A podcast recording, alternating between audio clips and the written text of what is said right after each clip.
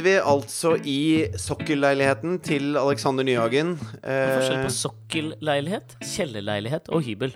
sokkelleilighet er eh, leiligheten som befinner seg i sokkelen på en enebolig. Hva er sokkel? Sorry. Sokkel, du vet da, en sokkel her. Nei. En lampesokkel, for eksempel, er liksom bunnen av lampa. da Det lampa står på. Sokkelen er det som gjør at det står stødig. Grunnmuren, liksom?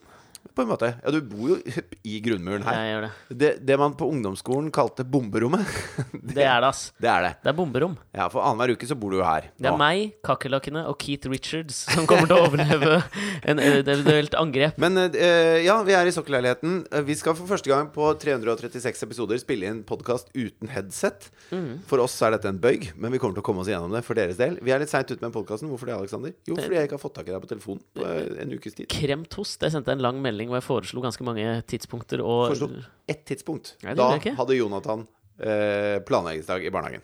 Bare sånn på det rene, liksom. Du svarte ikke på den lange me meldingen hvor jeg foreslo at vi skulle gjøre ganske mye hyggelig sammen, og at jeg skulle ta meg litt sånn fri fra hist og pist og Fikk aldri svar på det. nei, den svarte jeg litt seint på. Det Nei, Du har ikke svart på den ennå. Okay. Dette blir bikkering som ikke er interessant for dere. Men vi beklager i hvert fall at vi er litt seint ute. Men uh, jeg må si det er lettere å ha planleggingsdag i barnehagen nå som uh, Jonathan er blitt litt eldre. Ok. For nå kan jeg liksom invitere en kompis av han over, og så kan de leke sjøl og, og, og sånn. Og så slipper jeg å være på en måte den, den som er med i alle lekene. Ja, det- akkurat det kan jeg anerkjenne. Fordi at jeg føler at det litt den derre eh, Jeg føler jeg er ganske flink til å gi ungene mine ansvar og alt mulig sånn. Men der jeg sliter mot andre foreldre, er Ja, jo du gir dem veldig mye skyld òg for ting. Nei, nei, det gjør jeg ikke. Eh, gjør jeg det? Nei, jeg gjør ikke det. Nei, men jeg, jeg Jeg liker at du måtte tenke deg om to ganger for det. Jo, men jeg kan jo fort mene ting, jeg. Men, Mm. men det, det jeg syns er vanskelig, da, det er at det forventes av meg at jeg skal underholde Jonathan. Hvis jeg sier 'klar deg sjøl', så er jeg liksom litt så dårlig far. Mm. Ja, Eh, jeg, jeg skjønner hva du mener, men jeg tror, det tok meg lang tid å, skjønne at man du ikke har er jo det. vært litt på den derre at du blir så sur på foreldre som ikke er med og leker i sandkassa, liksom, og så sier du 'ja, men jeg er det'. Mm. Men- og jeg, jeg- jeg beundrer jo det. Ja, men eh, jeg, jeg tror man bør jo alltid det lite grann. Men samtidig så tror jeg det er det som hemmer og dreper kreativiteten til den neste generasjonen. er Hvis ikke vi lar de finne på ting sjøl. Så nå lot jeg Jonathan invitere en kompis og finne på ting sjøl. For jeg hadde besøk av Kim, som har nyfødt ja. Eller nyfødt og nyfødt, noen måneder gammel liten jente. Ja. Og hun lå og sov eh, i første etasje, så da tenkte jeg da kunne de to gutta leke i annen etasje. Mhm. Så drev og skrøt litt av liksom, sønnen min da, til Kim og sa det er så deilig at han klarer seg sjøl. Og de holdt på en time oppe, og det var liksom dritbra og sånn. Og så kommer de to gutta ned, og så er det litt sånn Etter en stund så bare Jonathan, hvor er kattene? Han bare De er i bur. Så bare I bur? Eh, ja. Hvilket bur? Nå på badet. Så har de faen meg putta begge kattene i vaskemaskinen. og det er jo livsfarlige er greier. det. er én knapp unna to og en halv katter. time på 60 grader, liksom. Du kan avbryte et Med vaskeprogram. 1400 omdreininger i minuttet. Jeg liker at du, du kan avbryte et program. Det er mulig å stoppe vaskemaskinen. Hvis Ja, men. Katrine gjør det av og til når jeg har satt på noe, noe sånn eh, sengetøy og sånne nyttige ting. Ja. For å vaske sånn ett skjørt, så tar hun ut den vasken som har gått halvveis, som jeg vasker for hele husstanden sin del, for å vaske skjørtet sitt. Ja, det er ikke innafor. Nei. Men tenker, Eh, men hvis katta er der inne, så er det kanskje innafor. ja, det er absolutt. Ja, men jeg tenker litt sånn, Var det ikke den tyske filosofen eh, Theodor Adorno sa vel en gang på Ja, skal vi tippe 30-tallet? Tipper Er det ikke litt rart av deg å starte den setningen med 'var det ikke'? ja, men nå, Fordi at jeg vet jo ikke hva du skal til, så jeg kan jo ikke si ja før du har bekrefta at det var.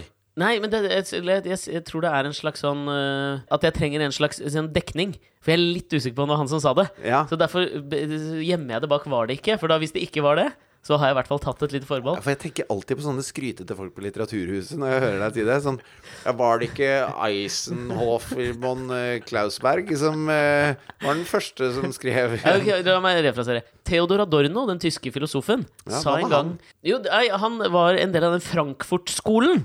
oh, ja. Som, eh, som dro med seg ja, skal, skal, nå, nå, jeg, nå tipper jeg litt, men jeg tenker sånn type Max Weber og gjengen, som måtte flykte fra Tyskland rett før første andre verdenskrig. Og sånn eh, kritisk teori og sånn. Og eh, du, jeg tror jeg eier noen bøker av Adorno, type Minima, Moralia og sånn. Det var Adorno som også Gidder å skru av den der jævla lyden, eller?!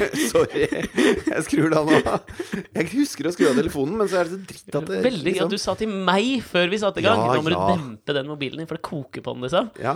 Ja, men jeg tror det, det, Adorno også liksom, Claim to fame er sitatet også at det er ikke mulig å skrive poesi etter andre verdenskrig og sånt. Å ja. Um, men Det tok han jo feil i. ja, ja, jeg tenker jo i Folk har skrevet poesi siden andre verdenskrig. Jo, men i tidskoloritten post 1945 så var det vel riktig eh, fra et slags kunstnerisk perspektiv. Du har aldri mer behov for poesi enn i 1946, på en Ja, måte. kan, på, et, på et nivå har du det, men altså at ikke noe kan beskrive det ubeskrivelige lenger, for det har vi opplevd. Ikke sant? Det var Ja, sånn, det han mente. Slik jeg tolker Adorno. Ja. Faen, premiere på setning. Ok, greit. Men jeg tror, jeg tror han sa uh, på type sånn rundt 30-tallet at den farligste mannen i USA, det var Walt Disney. Ja. Uh, og det begrunnet han med at uh, Walt Disney var liksom han som skapte mest håp. Altså Under alt det Walt Disney drev med, så, så, så, så ligger det en eller annen slags form for Et eller annet slags form for håp, da, om at ting løser seg, det, går bra. Ja. Altså alle, alle Disney-produkter ja, ja, jeg skjønner hva du mener. Ja. Det er et, e- det er en eventyrverden. Ikke sant? Og etter hans mening så, så under, under håpet Håpet er unektelig og, og uløselig knyttet til sinne. Fordi Nei, men altså fordi, Nei! jo, for faen! Nei, er det unektelig knyttet til Det syns jeg er veldig rart. Men det, det Fordi at jeg husker jeg leste om eh, Det gjelder for så vidt både første og andre verdenskrig. At uh, det var en sånn tidsepoke da hvor det var liksom uh, Levekårene hadde virkelig begynt å forandre seg i kjølvannet av den industrielle revolusjonen. Som da altså, Det var da lenge før første verdenskrig. Jo, jo, men da hadde man på en måte uh, gått fra å være en slags sånn derre uh, pestvridd uh, drittsamfunn, Ja. som jeg opplever, eller den mørketida som er middelalderen, for å være. Historiegeneraliserende. Yes, det er meg. Eh, Pestvridde mørkesam drittsamfunnet. Ja. Første verdenskrig, Til- litt depresjon. Andre Nei, nei, verdenskrig, men nyere tider. grunnen til at de kunne pøse på med folk i disse skyttergravene i årevis, som bare ble skutt i fjeset og døde med syfilis og gjørme i rumpa Det var eh, mye syfilis under første verdenskrig, tror Ja, veldig mye. Hvorfor Hvorfor det? Var jeg veldig mye gjetter han. Ja, det- men det var, jeg tipper det var fryktelig mye syfilis. Fra horehusene på en eller annen front, Jeg da, eller? vet ikke helt, jeg. Men de bodde jo veldig tett. Altså, det er mye, sånn, eh, mye kontaktsmitte, tror jeg, i skyttergravene. Ja, men er ikke syfilis en kjønnssykdom? Jo, det er det. Ja. Men ikke sant, alle måtte drite der de var. ja. Eh, det det var ikke noe stas, liksom. Ok. Og, og det er mange som Nå er du autoritet på det. Det er mange som mener at det, man, det hadde ikke vært mulig å verve så mange mennesker til å reise til Belgia og Frankrike og ligge i de gjørmepølene der og skyte tyskerne i fjeset i to verdenskriger på så nærme, hvis det ikke hadde vært for at de virkelig var villige til å kjempe og dø for det, det håpet de hadde om, om den verden de levde i. Ja, nettopp. At de var redde for å miste den verden de levde i. Ja.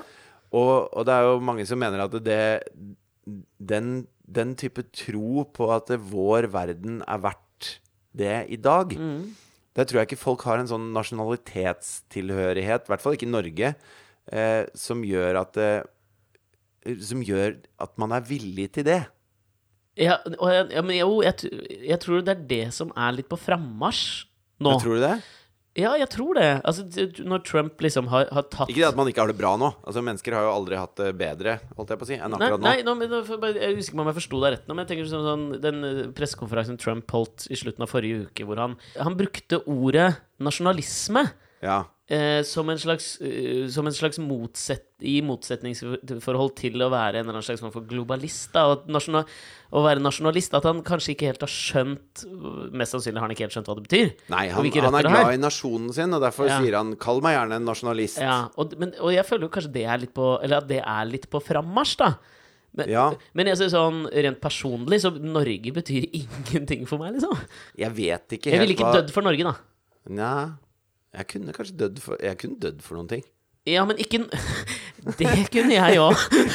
Du avskriver meg. Nei, men jeg kunne dødd for noen ting som fins i Norge, da. Ja, men det har jo ikke noe med Norge å gjøre. Eller det vet jeg jo ikke. Hva ville du dødd for, liksom? Nei, men det, men det er jo sånn Barna dine, de er Ja, ja. norske. Ja, ja. Ergo du dør for Norge. Det er litt sånn Nei, men det er sånn Mor Åse altså, er en sten.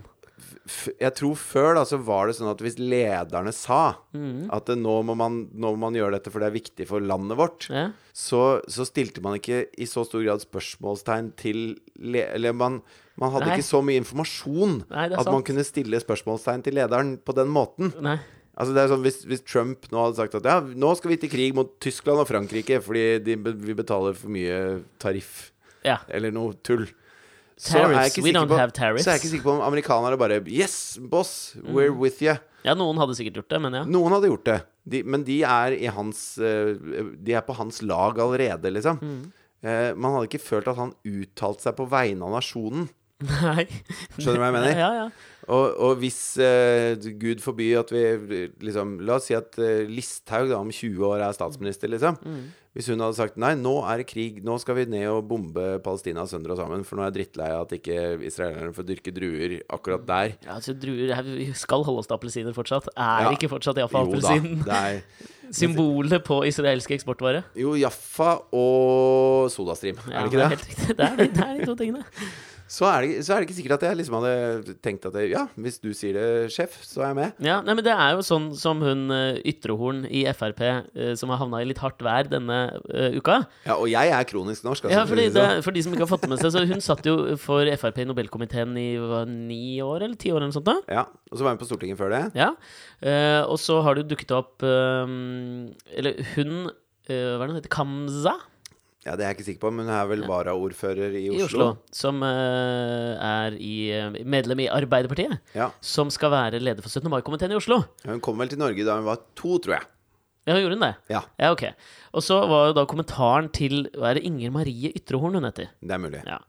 At uh, hun, hun var litt overrasket over dette her med at eh, at det til stadighet var innvandrere som skulle lede denne 17. mai-komiteen. Ja. At hun nemlig hadde så kronisk norske. ja. Og det, ordbruken er jo fascinerende, syns jeg. Artig valg av ord. Ja, for, nummer én fordi at det for meg er kronisk eh, på Det er en jo sykdom. Ja, Altså, det er er negativt. sykdom. Ja, det er liksom negativt ladet. Ja, ja. Det er, det er noe du ikke blir kvitt, liksom. Ja, Uansett hvor hardt du prøver. ja, og det var der det var liksom sånn, jeg ble så, Apropos det vi prater om, så ble jeg, jeg ble jo litt sånn ja, Det siste jeg vil være, er jo å være kronisk norsk. Ja. Og jeg tenker at det er nettopp det de er, da. De kompisene til Ja, De kompisene hennes, de er kronisk norske. Altså, de, de, de blir ikke kvitt den der tanken om at Norge skal være et eller annet unikt og hvitt. Eh, og og kanskje det var en, en Freudian slip fra hennes del. Men hun skjønner jo heller ikke at dette var noe trøblete å skrive. Men hun fulgte vel opp med en eller annen ny Facebook-kommentar med liksom Hva er det som er rasistisk i det jeg skriver? Er det ordet kronisk? Hun gjentok det jo. Kronisk, innvandrer, eller hva faen var hun liksom listet opp det hun hadde skrevet? Ja. Uh, og, og der, der merker jeg også at jeg blir litt sånn irritert. Jeg kan også liste opp en hel haug med ord som Men, er liksom isolert sett ikke rasistiske. Nei. Men det er jo sammen Når du setter sammen ord til sett altså Det blir sånn semantikkdiskusjon som er fullstendig uinteressant. Ja, hun kunne skrevet Ja, altså, jeg sa det hadde ordet betydd akkurat det samme om hun skrev og erkenorsk eller eh, ordentlig norsk eller Det spiller jo ikke noen rolle. det, det spiller Det er jo rolle. Meningsinnholdet som betyr noe. Ja, men det som, er, altså det som betyr mest for meg i dette her, er at, eh, at hun kan skrive dette og ikke angre, og samtidig ha sittet i og være, være med på å bestemme hvem som får Nobels fredspris. Det er det som irriterer fett av meg. At hun har sittet i Nobelkomiteen i ni år. Mm. Fordi at det er noe så kronisk unobelsk med å, å, å, å ha sånne type holdninger, da. På liksom hvor, hvor hun var i diskusjonen da Malala skulle få fredsprisen, liksom. Ja, hun er sikkert lei av at det ikke er noen kronisk europeiske som har fått den på en stund. Ja, det var liksom Altså Når vi gir det til noen vestlige, så er det Barack Obama. ja, Hva tror du syns Han om er det? jo ikke kronisk amerikansk, ifølge noen, liksom. Nei, nei, han er meget ukronisk amerikansk. Ja, ja men, jeg, men for å komme til veis ende med denne jævla Adorno-saken men det dette egentlig dreier seg om, er jo Hva var det med Adorno? Nei, vi spar det. Ok. Men det dette egentlig dreier seg om, er jo et sånt derre Det er sånn underliggende eh, Altså en etikk, da. Kall det gjerne det. Ja. Altså at du har, du har et verdensbilde som er forma av på en måte etikk og moral. Eh, og, og, og jeg syns at det, det er en annen veldig sånn grov ting som har skjedd nå nylig, er jo det Høyre-utspillet som har lyst til å tekke KrF ved å legge abortsaken på bordet. Ja. Fordi at det, jeg har ikke noe mot å diskutere abortsaken.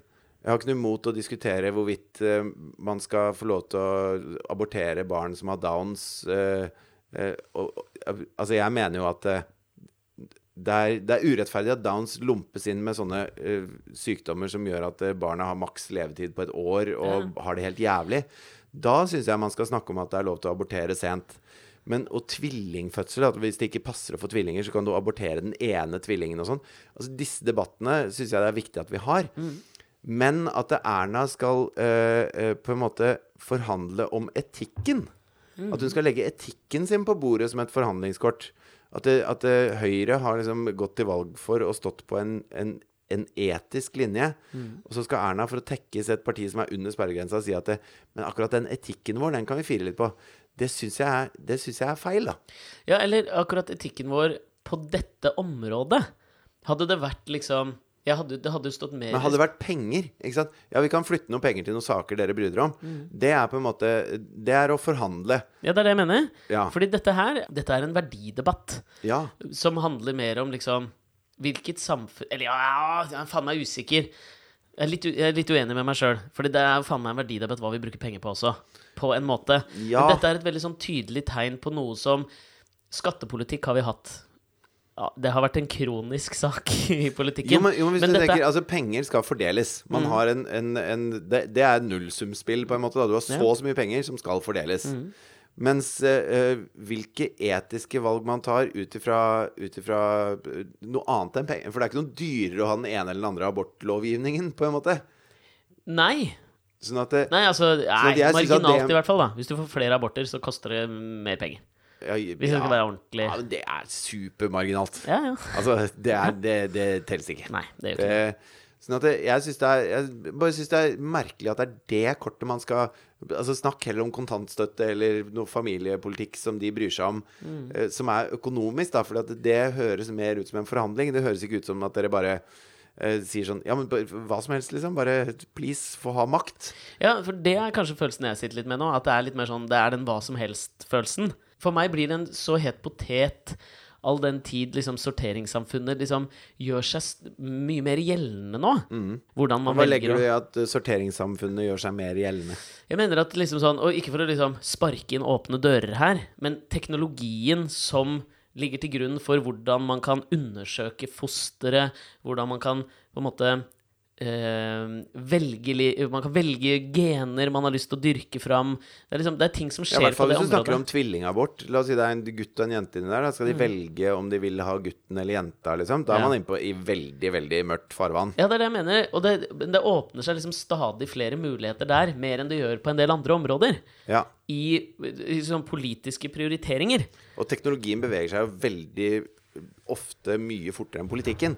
Ja, Sånn at uh, når de finner ut at å ja, vi kan ta abort av bare én tvilling, så fins det ikke noe regel mot det ennå. Mm. Så da holder de på med det en stund helt til det kommer over alle. Nå har jeg lest litt om akkurat det med tvillingabort, for det, det var jeg ikke klar over at fantes, liksom. Mm. Og det er jo ekstremt få tilfeller det skjer i. Og, og da har det vært eh, forbundet med noen sykdommer eller noe greier, stort sett. Jeg tror det er snakk om et titalls tvillingaborter som ikke har vært snakk om det. Eh, og, og jeg, men, men akkurat det der abortspørsmålet syns jeg er veldig vanskelig, for jeg føler ikke at Jeg føler at man blir stilt opp i en sånn derre Skal man være for eller mot selvbestemt abort, liksom? Og Før tolvte uke. ja, før tolvte uke. Men, men ikke sant, eh, selve spørsmålet stilles uavhengig av det tolvte uke også. Ikke Ja. sant? Og en god venn av meg har jo skrevet et sånt innlegg på Facebook. Han har en datter som har eh, downs, som jeg syns er veldig, veldig bra. Det er ganske spist, eh, men, men han eh, Han eh, Og jeg, jeg er veldig enig med han eh, i det han har skrevet. Og han er jo eh, for å gjøre de forandringene som Høyre nå har lagt på bordet. Så det, det jeg er uenig med Høyre i, er ikke nødvendigvis at vi ikke kan prate om dette her. Og gjøre det. Jeg er uenig med måten de tar det opp på. At de skal bruke det som en sånn derre Forhandlingskort. ja, Istedenfor å si at 'dette mener vi', Mm. så sier de at ja, vi kan godt fire litt på dette hvis dere er med og leker, liksom. Mm. Altså Grunnen til at de tester for eh, downs, er jo at det er så lett å teste for. Mm. Så det er mange mange sykdommer de kan teste for, men som krever mye mer ressurser å teste for, og som er mye, mye farligere for fosteret, og eh, som kan være multihandikappede, og det kan være veldig kjipt, da. Som man ikke tester for. Mens eh, barn med Downs kan ha et Nå lever de jo til de er 65-70 og, og har fullverdige liv, veldig mange av dem, liksom. Sånn at det å velge bort de eh, etter tolvte uke Jeg er ikke sikker på om jeg er så innmari fan av. Altså. Det syns jeg er litt sånn dritt, egentlig. Ja, det er vel mer det valget av at det er akkurat den eh, tilstanden, eller hva man skal kalle det, liksom akkurat det man sjekker for. Ja. Um, men samtidig så er jo liksom litt sånn Jeg prata med en jeg kjenner uh, for bare et par dager siden. Uh, urelatert til uh, måte Høyres utspill. Og hun um, tok en abort for type 30 år sia. ja. Og, og, og da, å høre henne liksom fortelle om hvordan hvordan det foregikk, og det var ganske sent. Hun var veldig, veldig ung. Eh, og eh, ble sjuk, og liksom måtte, følte hun, Mm. ta abort. Og det var jo altså sånn, og så, og så sa jeg til henne sånn, Åh, nå får jeg sånn bilde i hodet at man liksom sitter foran et sånt panel med leger og må liksom svare for seg. Så sier hun ja, sånn var det, liksom. Mm. Og jeg, jeg merker at jeg er liksom litt Altså sånn, I den debatten så er jeg så innmari redd for at vi på, på noen som helst måte skal nærme oss det der igjen. Jo, men jeg tror ikke det er det det er snakk om. Altså, man har laget Jo, men en for, for, for kvinner er det jo det. Ja, ja. Jeg, jeg vil jo ikke at vi skal nærme oss det. Men jeg, jeg- det- mener at jeg tror ikke det er det tror- debatten går i, da. Nei, nei, nei, abs absolutt ikke. Hvis bare, man har satt en sånn grense på tolv uker, da, ikke? Så, så er det jo snakk om om man skal overholde, på den, overholde den, eller fire på den, liksom. Og si at i disse og disse og disse sammenhengene Og, og når de plutselig får til f.eks. tvillingabort, da, Mm. hvor du tar den ene tvillingen, for det passa dårlig å få tvillinger akkurat nå, Ja. Eh, så skal det være lov eh, Ikke sant? Det, det er de Når man setter en, en grense, Mm. så det er mer den man må forholde seg til. Ikke at det skal være vanskeligere, eh, sånn som de har i an, en del andre land, at du liksom må du må gå hjem og tenke deg om tre dager, og så må du liksom, komme med gode argumenter for at nettopp du skal få eh, Da er vi inne i veldig, veldig eh, kronglete landskap med en gang. Ja, det er bare det jeg mener. Jeg, jeg, det er ikke det. jeg mener ikke at jeg tror vi er på vei, på vei dit. Jeg bare mener at en del av denne debatten handler også om en eller annen his, Altså, vi har en historie rundt akkurat det spørsmålet her Ja. som har vært ganske jævlig for kvinner, liksom. Ja, Og altså- da altså, mener jeg bare at alle ting som innskrenker den retten man har, alle ting som, som i den sfæren rundt abort og abortlovgivning, som innskrenker liksom kvinnens selvråderett, den er jeg, merker jeg liksom iboende allergisk mot.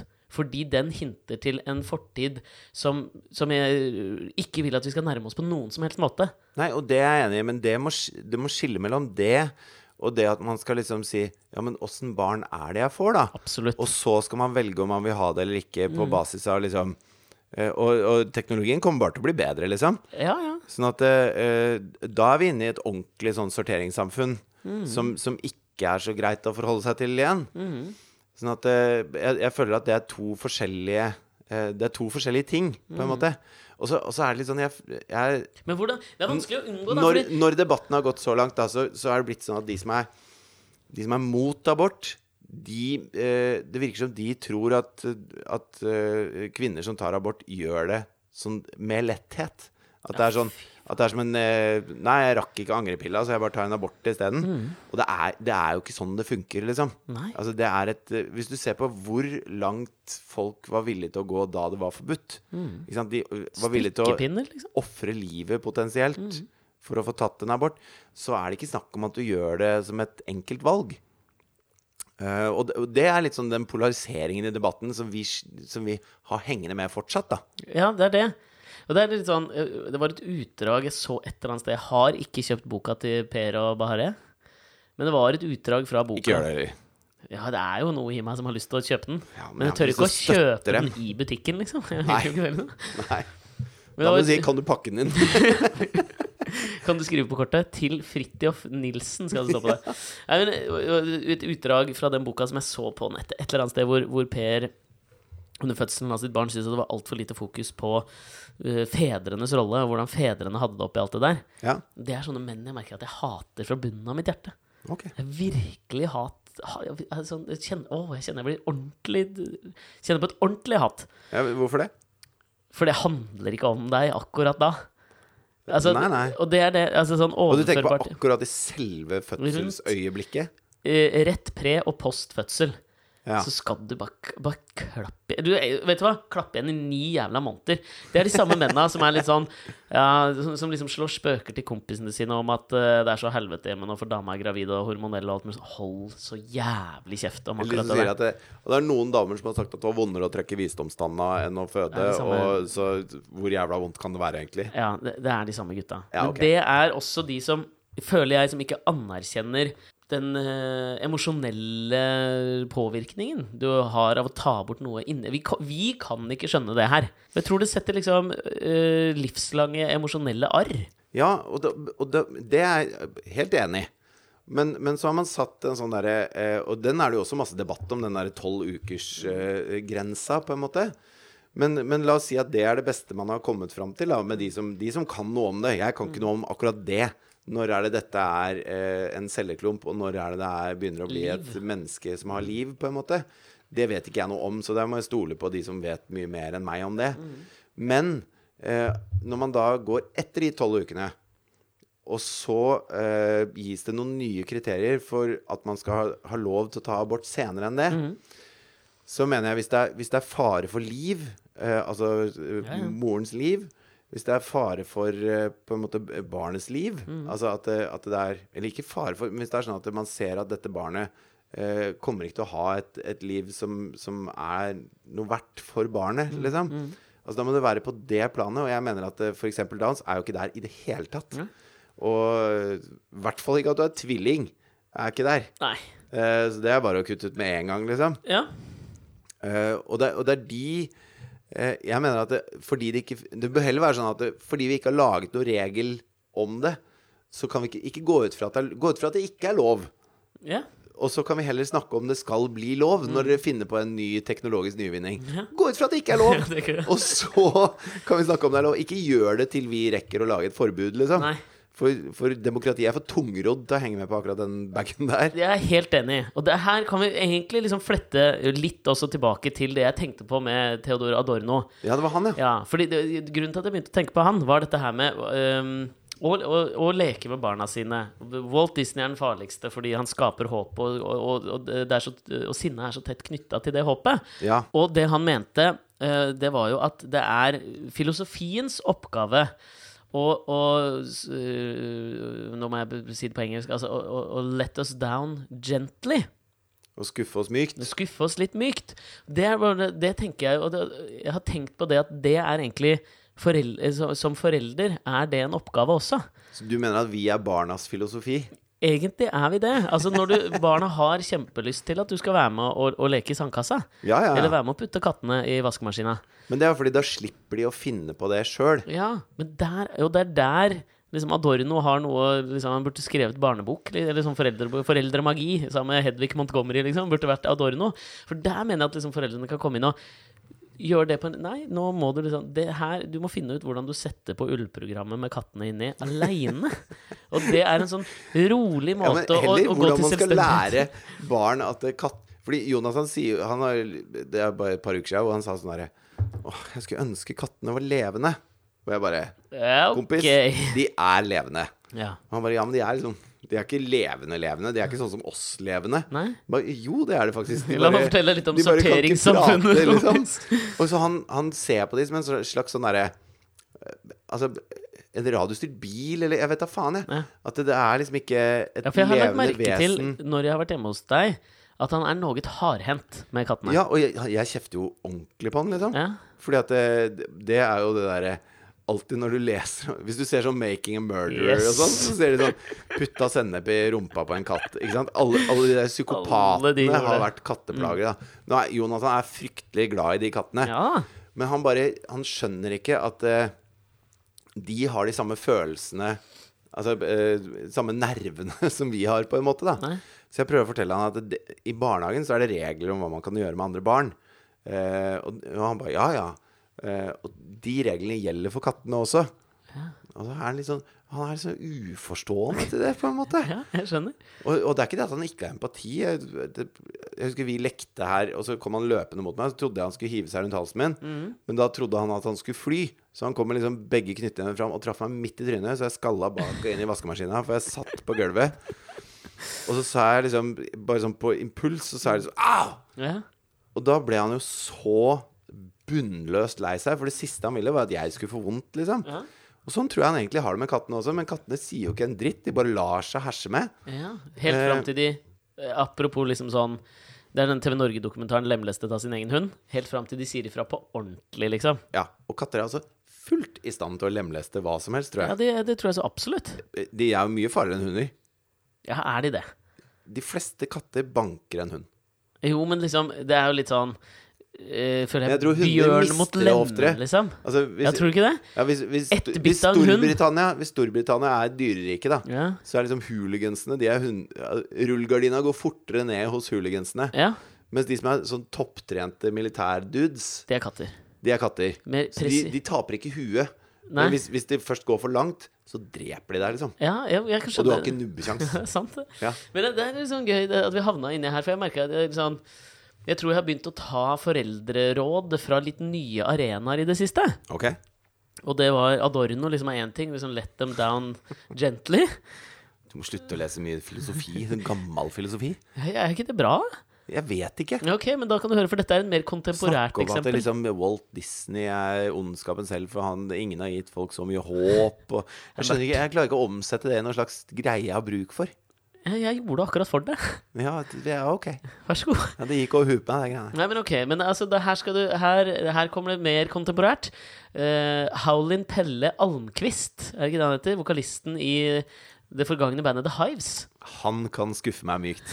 Han liker jeg. Han, Han hans filosofi kan jeg leve Hva med. har vi på The Hives, da? Et band band Jeg har mye på The Hives. Ja, altså. har du det, eller? Ja, ja. Jeg har spilt med dem og sånn på, på? Donington Monsters of Rock. Spilte både vi og The Hives. Skal vi, kan, kan, vi, kan vi gå så langt som å kalle at The Hives er det nærmeste liksom, Sverige har turboneger? Alt hva gjelder at de hadde en veldig bevisst estetikk. Tidlig 2000-tall var det vel startet opp. Ja. Men altså, det, det, det jeg tenkte på liksom, Pelle er jo Han var jo punker på ordentlig. Altså Ja. Sånn som punkerne var på slutten av 70-tallet. Punker. Sånn Iggy, liksom. punker var han. Ja. Ja, Men de sånn- hadde jo en veldig sånn De hadde en veldig bevisst altså, faen, Det kan jo være folk som ikke har hørt om The Hives. De, jeg husker ikke når de la opp, ja, men eh, det er vel noen år siden. Jeg vet ikke om de har reunita på noe Det kan godt hende de spiller fortsatt, for alt jeg vet. Men de var jo kjent for at de var ganske stilrent kledde på scenen. Altså De hadde alltid på seg dress. Svarte og hvite dresser. Ja, sort, sort skjorte og hvitt slips, tror jeg. Ja, hadde de sorte skjorter òg? Ja, de bytta litt på, tror jeg. Ja, ok. Ja. Um, og så hadde de jo alias-navn. ikke sant? Howlin Pelle. Og husker Hallstrøm. Ingen, Almqvist, var det det? Almqvist. Ja, hva faen het de andre gutta? Nei, drit nå i det, da. Ja, uansett, det var de had- Pelle, liksom. Ja, det var jo han, Men han var vel broren til en av de andre i bandet òg, var han ikke? Det kan godt hende. Men jeg husker i hvert fall der på Donington altså, Det var jo en sånn biker metal-festival. Ja. Sånn der når Slayer er sånn type festival. Og de var jo egentlig for uh, punkpop til at det skulle gå godt hjem hos bikergutta i Nord-England, liksom. Ja. Og det var jo Pelle fullt klar over, og spilte to låter, og publikum uh, digga det, liksom. Hoppa rundt, og det var superstas på største scenen, og 70 000 mennesker og full baluba. Og så sier da Pelle, fordi han må være Pelle, liksom, i mikrofonen at eh, Fy faen, jeg trodde dere var ordentlige metallfolk, jeg, og så står vi her i dress og spiller punkrock, og dere elsker det, liksom. Ja. Fy faen, dere er noe jævla pingle metallfolk. Ja. Og så bare hagler det spritflasker, og de får ikke spilt mer av settet sitt. Liksom. Og det er, det, er, det er punk. Det liker jeg. deres claim to fame var vel først at de skulle være verdens beste liveband. Dro, de var, var jo på jævlig mye sånn turné da Maroon 5 starta opp og sånn. Ja. Så tror jeg The Hives var med dem som oppvarmingsband. Men så skjønte Maroon 5 at ja, men altså, vi kan jo ikke ha dem med, Fordi det blir jo en nedtur å gå på etter The Hives. Massiv nedtur. Ja, fordi de, altså, de var jo helt rå live. Det er som vi skulle varme opp for Nickelback, liksom. Men altså, eh, jeg husker jeg digga jo The Hives. De var jo helt fantastiske. Ja, det var konge. My, mye på grunn av Jævlig mye kjappe kommentarer mellom låtene Det var sånn. mye på grunn av Howlin' Pelle sin stage persona, liksom. Ja. Han har en Mick Jagger En punka Mick Jagger-estetikk. Ja, Syns jeg. bare så jævlig arrogant. Null Ekstremt. respekt for sitt eget publikum, til og med. Vel, han calla vel ut, hvis jeg ikke husker feil nå, så de spilte på Coachella. De hadde kom tilbake etter den lange pausen mellom den tredje og fjerde skiva eller noe sånt nå, så skulle de spille på Coachella igjen, liksom, og komme tilbake og liksom erobre USA igjen. Ja. Um, hvor han Og dette var vel liksom en eller annen slags form for parafrasering av da Beatles spilte i Royal Albert Hall, og John Lennon sa til Han sa vel på et tidspunkt der at liksom dere som er, sitter på de billige setene, stå på dans, og dere på de dyre, just rattle your jewelry. Ja. Men hvor han calla ut VIP-området på Coachella. Ja. Og liksom ropte over sånn Tom Hanks, kom deg på beina, liksom. Og alle jublet og snudde seg og kastet øl opp på VIP-området og sånn. Ja. Og det er, jeg synes det er, det er noe så deilig punk over han, altså. Ja, han er elsker fin. han. Så han skal jeg, merka jeg nå at jeg hadde tatt et et, um, et Har du hørt noe? Oppdragelsesråd fra han? Ja. Uh, jeg tok det som oppdragelsesråd. Okay. Fordi greia var her at på, på lørdag så var jeg på MGP Junior sammen med Asta. Var han der? Absolutt ikke. Men jeg, jeg husker et uh, intervju jeg hørte med Howlin Pelle for uh, det er ganske lenge siden, tror jeg. Hvor han fortalte om da de For de havna jo i noe sånn jævla rettssaker og sånn, gjorde de ikke det? Eller Sånn der, et eller annet svensk selskap som hadde dem og The Cardigans og Soundtrack of Our Lives og alt mulig, hvor de hadde liksom lånt penger mellom banda, og så begynte alle å saksøke hverandre, og så måtte Det kan stemme, det. og så tror jeg de var på et eller annet plateselskap også, som de hadde liksom signa opp til så og så mange skiver. Og så Ja. ville de ut av det fordi Universal ville signe dem, fordi de skulle liksom breake i USA. Ja. Og da skulle Universal liksom pare dem med ganske Dette var i 2004, fordi at vi signa til Island Records Med samtidig. Jimmy Island Ja, samtidig som Hives og, og The Rasmus fra De Finland. husker jeg var de, var de, Jeg trodde de var danske. Nei, de er finske. Ja, okay. Ja, det er jeg ganske sikker liksom- på. Men nå ble jeg ikke helt sikker. For du pleier å ha rett hver gang vi er sånn uenige i sånne ting. Ja, men shit, så det var dere, The Hives og Rasmus? Finsk-danske, sikkert, da. Ja, ja, ja. Ja. Men eh, vi være, kan jeg være såpass ublu og si at det var vel The Hives som trakk det lengste strået av dere tre? Ja, fordi at de kutta Altså, vi signa eh, samtidig, Mm. eh, vi tre, til, eh, til Interscope. Og så eh, kutta Interscope halve staben sin. Mm. Og droppa alle band de ikke hadde gitt ut plate med enda. Ja. Og da, hadde, da Hives-skiva var jo ferdig da de signa. Hvilken var det? Det er usikker på, altså. ok, ja. Det må ha vært etter Veni Vidic, i hvert fall. Ja, Venevide Vicious var den første, og så kom en Tyrannosaurus. Dette er jo kjedelig. Ja, det er kjedelig. Jeg syns det er gøy. Men i hvert fall, eh, både vi og Rasmus eh, fikk fyken. Black and White Album var det sikkert. Sikkert. Ja. Men eh, Hives fortsatte. Ja. Eh, så, så var jo greia at Det Universal er vel det du mente med det lengste strået der, tenker jeg. Ja. Men Universal skulle jo pare dem opp med litt sånn kjente produsenter.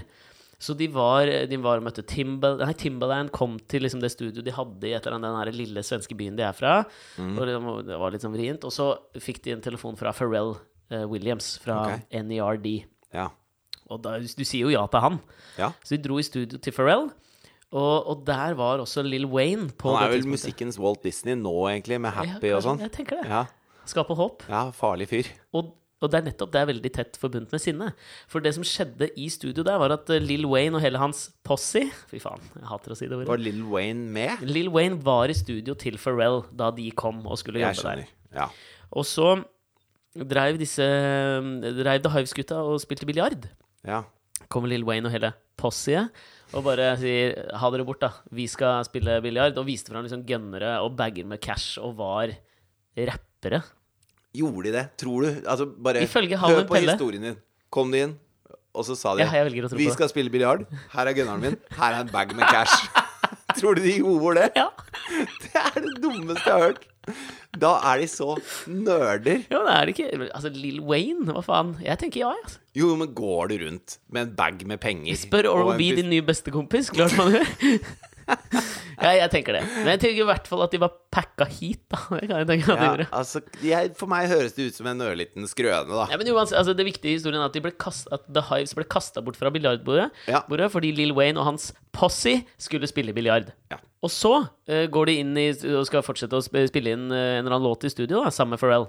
Mm. Og så får Pharrell høre 'Through the Grapevine', for å holde det der, Ja, okay. at nå kommer Nå er manageren til Lill Wayne her, og han har liksom hørt om det lille oppstusset som skjedde rundt Så det ble oppstuss, altså? Det ble litt oppstuss. Ja. Men de packa jo hit og hadde en bag med penger. Hvem faen kødder med sånne folk? Det høres ut som Det høres ut som en sketsj med Morten Ramm, som skal være liksom hiphoper. Ja. Som går gående med gullkjeder og Ja, noe heat sketsj. og en bag. Ja, men de lever jo i en sketsj. Ja. ja. Eh, så uh, Pharrell får beskjed om det. manageren til Lill Wayne er på veien. Han har lyst til å si unnskyld til The Hives. Ok. Og da forteller Halin Pelle at Han fikk et lynkurs fra Pharrell i hvordan man skal ta imot en hiphop-unnskyldning. Ok. Og det her kjente jeg ikke til. Nei. At det er en greie. Dette, dette burde du jo fortalt meg når jeg krangla med Oral B. Ja, men jeg, dette, jeg, jeg, dette huska jeg ikke. Dette var noe jeg mener jeg har lest i et intervju nylig med Hallen Pelle. Okay, ja. Uh, og greia da med hiphop-unnskyldninger At da fikk de beskjed om at du, du, du må aldri si liksom du, det, 'Alt er glemt, det er tilgitt'. Det må du aldri si. Nei. Du må ikke liksom fortsette å krangle Nei. og si liksom, 'faen, så ræva gjort det var'. Det må du ikke gjøre. si uh, Ja, du skal ikke si noe. Okay. Du skal sitte og høre, og så skal du bare nikke, og så er det ferdig. Ok. Det er hiphop-unnskyldningen. Ja. Og dette her tenkte jeg litt på at det kanskje Da jeg var på MGP Junior Ja, men fader, det kan jeg kjenne meg igjen i. Sånn derre eh, Hvis du Altså, hvis man har krangla med kjæresten, for eksempel, da, ja. og så kommer man til det Ja, det, det er det minst mulig closure-aktige du kan gjøre. Ja, men så kommer man til det forsonende stadiet hvor eh, en, den ene eller den andre sier sånn Ja, det var litt dumt av meg. Ja. Og så det man sier etter at den andre har sagt ja, det var litt dumt av meg, som Ja, det er fallgruvenes fallgruve. ja, det var dumt av deg. Veldig dumt å si. Eller eh, Lyve å si. Nei da, det var ikke dumt av deg. Men det var det jo. Like dumt å si. Ikke sant? Jeg skjønner, jeg skjønner hva du mener. Ja, jeg, og det, jeg, den, jeg forelska meg litt i den måten å opptre sosialt på. Det var litt sånn Jonathan var med kattene når jeg sa 'ikke putt den i vaskemaskinen'. Ja. Han bare så på meg. Ja, Trakk på skuldrene. ja, ja, så var det. Ja, ja. Fordi jeg tenkte på det, det Jeg tenkte på det eh, i altså, Man må jo tilpasse rådene litt hvis dette skal fungere i barneoppdragelse. Ja. Men jeg var på Telenor Arena. Det var jo ekstremt mange folk, ekstremt mange barn. Uh, og alle foreldrene, merka jo jeg, vil jo det samme. Og det er at barna skal ha en så fantastisk opplevelse som mulig i denne Walt Disney-eske uh, liveshowet. ja. Eh, og det merka jo jeg også at jeg ville. Liksom. Det var første gang Asta har vært på noe sånn. Og hun var jo altså i fyr og flamme. Det er jo det som ruller og går hjemme. Det er Melodi Grand Prix Junior og Idol. ja. Vi har Idol-audition hjemme hver dag. Er det fordi pappa har vært producer? Ja, hun har fått se på Idol, og hun har vært med og sett på litt opptak og sånn. Ja. Og så uh, Hun, hun syns jo det er altså så gøy. Så hun og jeg må filme, liksom. Ja. Så hun skal komme inn, og så skal jeg stille alle de spørsmålene. For hun har jo sett dette her audition-greiene. Hvor kommer du Er du litt sånn streng dommer, eller er alt terningkast seks til Alt er konge. Ja, Du går alltid videre til Oslo. Ja, jeg skjønner. Men det er liksom, hva heter du? Jeg heter Og så finner hun på nytt navn, og hvor gammel hun er. Okay. Og så synger hun Men liksom det er gøy med rollespill. Ja, det er, hun syns det er megastas. Og MGP Junior er liksom Det er jo toppen av underholdningshimmelen for henne. Det har jo vært på en måte eh, har, Thea har hatt veldig lyst til å bli popstjerne og skuespiller og en Mm. hel drøss med ting som alle andre i klassen hennes også har lyst til å bli. Eh, og Og hun synger fint, liksom. Og hun synger fint, liksom, men når jeg, når jeg prøver å si at det, hvis, hvis du virkelig har lyst til dette her, så må du begynne å øve ordentlig. Altså Så jævla Så- faren til Beyoncé hadde jeg å gjøre. Ja, men, Matthew ja, men det er sant, da. Altså, liksom det er, hvis du ser på noe sånn X-Factor Global, hvor det kommer en niåring på og triller av gårde som Mariah Carey, liksom, så, Ja, er så er det sånn Det går an å det går an å jobbe med Det går an å øve på instrumentet sitt, da. Jeg har øvd mye på instrumentet mitt, eh, og det ble jeg flink av. Hvis det er lov å si. Ja, det ble jeg veldig flink av. det er viktig å vedlikeholde også. Men, eh, men da er hun helt sånn uforstående til det, for hun har en oppfatning om at eh, det er noe man bare er Ja. god til, liksom. Enten så er man flink, eller så er man det ikke. Mm. Øving har ikke noe med saken å gjøre. Så kanskje man ja, Nei, jeg skal ikke gå dit at du må være strengere dommer, altså, men uh... Nei, men jeg tenker, det, det du kunne gjort Det var, det var vel faren til, faren til Beyoncé var jo manager for Destiny's Child og sånn helt i starten. Og det, det var vel liksom flere liksom, grupper av sånne unge folk som, som, som kom til han etter hvert, ettersom han liksom klarte å forme Destiny's Child til å bli et eller annet slags form for supergruppe. da ja. um, Hvor han hadde, ble kjent for å ha en sånn famøs bootcamp. Um, så jeg tror det var liksom det sånne svenske jenteband sånn, som var over. Og liksom var med på Matthew Knowles sin bootcamp.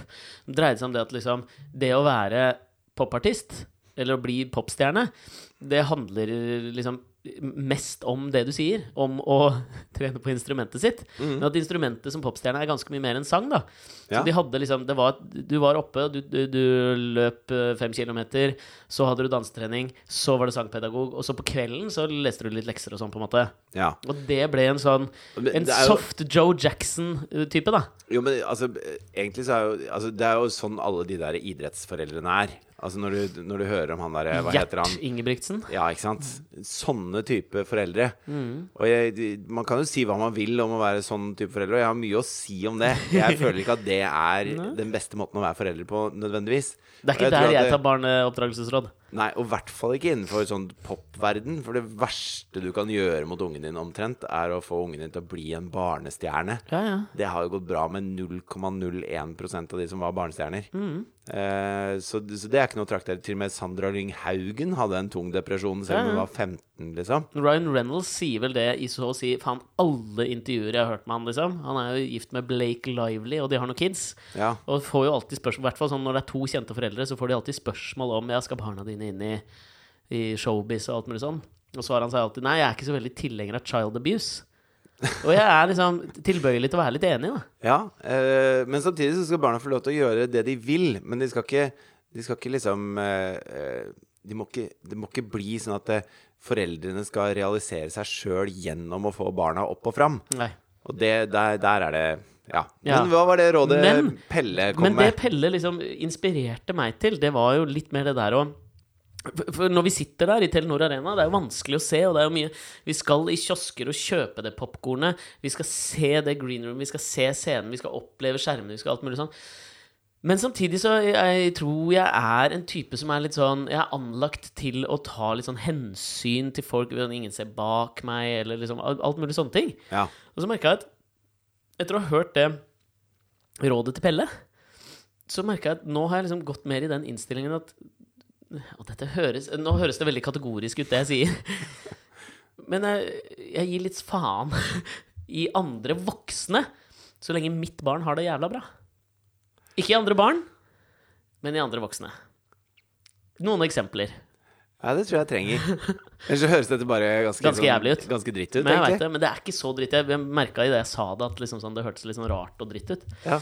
Ikke så rart, bare dritt. Ja, ok. Nei, men liksom, på randen bak oss så satt det Jeg sjekket jo, og der satt det liksom voksne folk. Ja. Og jeg tenker, vet du hva? Da lar jeg Asta stå på stolen, så hun ser scenen hele tiden, så dere ikke ser noe. Og Ja. de prikker meg på skulderen og sier liksom sånn Du, vi ser ikke så mye. Svarte ikke. Bare nikket. Tok Pelle, Pelles råd. Ja, Lot henne stå videre. Ja, men, det er jo helt, det er jo en helt annen Altså, de, de ber jo ikke om unnskyldning. Det er da du skal nikke. De kommer jo ikke med en hiphop-unnskyldning når de sier 'du blokkerer hele utsikten vår'. De kommer med en, en forespørsel, en anklage. Jeg veit det. Ja, og så kommer du med en, en Hva heter det? En, Hiphop-unnskyldning tilbake. Nei, du gjør Nei. ikke det heller. Nei, ta imot en hiphop-unnskyldning som ikke er en hiphop-unnskyldning. Ja, Du bare velger å tolke angrepet som en hiphop-unnskyldning. Ja, Ja, det gjorde jeg. ok. Sto i kø til å kjøpe. Ja. Så hvis, men eh, ja, sånn type Så hvis barnet ditt må tisse, da. Skjedde det, da? Det er dokø. I køen. Uten å spørre. Ja. Dette er jo ikke noe hyggelig. Sto i kø for å kjøpe popkorn og pølse. Ja. Gikk forbi. Nei, Gikk forbi to andre. du gjorde ikke det. Jo. Men det var litt mer sånn De var, fulgte ikke helt med, og så var det veldig mye folk. Og så Ja, sto det hvor, de- hvor, ordentlig Du dritt. ikke Det er skikkelig dritt. Jeg vet det. Ja, dette må du ikke drive Asta med. hadde det konge. Fy faen. Ja. Dette er jo sorteringssamfunnet. Dette er tvillingabort, liksom. Men jeg gjør det ikke mot andre barn. Nei, men de, Alle disse voksne, har liksom. også vært barn en gang. Ja, det har Du må det lære dattera di køkultur, for faen. Ja, men vi sto masse i kø. Det var jo det Ja, eneste men vi gjorde du må jo ikke si at der. hvis de ikke ser, så sniker vi. Nei, jeg sa bare Du skal ha det bedre enn de andre. Ja, men jeg bare Hva sa er dette for, hva er dette for noe? Hun skal, hun, skal ha, hun skal forfordeles foran voksne. Du, din brunskjorte, hva er det Nei, du driver med? slutt! Jeg har aldri gjort det før. Jeg testa det bare der. Fordi det eneste vi dreiv med der, var jo å stå i kø. Du sto i milevis i kø til døds... Til alt du skulle gjøre der. Men kanskje han der tyske filosofen din har rett? At når du kommer inn i det Walt Disney-eske Mm. landskapet, så er det farlig for deg. Det gjør deg Han til et min, dårligere han menneske. min filosof, altså. Fy faen. Elsker han.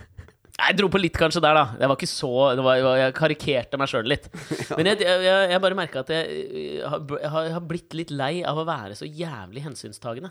Ja, det kan jeg forstå. Ja, og det er, det er kanskje en, det har vært en kronisk lidelse hos meg. Ja. Og nå har jeg lyst til å bryte litt med det, og få Kamsa opp i Det er ganske kronisk norsk å være litt sånn Ja, ja, det er greit, bare gå foran. Du. Ja, ikke sant? Og det har jeg lyst til å prøve. Jeg har lyst til å bli litt mer som Hallen Pelle, liksom. Og rope til VIP-området, eller Jeg vet da faen, jeg. Du må, du må bryte litt ut av de mønstrene. Få fram den dresskledde svensken i deg. Eh, Han skal fram, opp og fram, han. Opp og fram. Han skal lede den jævla 17. mai-komiteen i resten av livet. Men pass på at ikke dattera blir et rasshøl, da. Nei, du åh, Pass på at hun ikke har respekt ikke. for andre mennesker og føler at hun selv skal ha det bedre enn alle andre, for det har pappa forklart henne. Nei, hun skal få Adorno som 13-åring. Minima moralia eller et eller annet sånt skal hun få lov å lese. Og så Ja. skjønne det at liksom Ta det med ro. Let them down gently. Ikke vær hiphop-unnskyldningen du ikke har fått. Ok. Ja, det, det gikk i en sånn sirkel her at jeg vet ikke om jeg skjønte helt hvor vi havna hen, men ikke jeg eh, heller, men det gjorde sikkert lytterne. Norges smarteste lyttere. ja, sånn er det. Og til dere har jeg lyst til å si ha det. Adjø.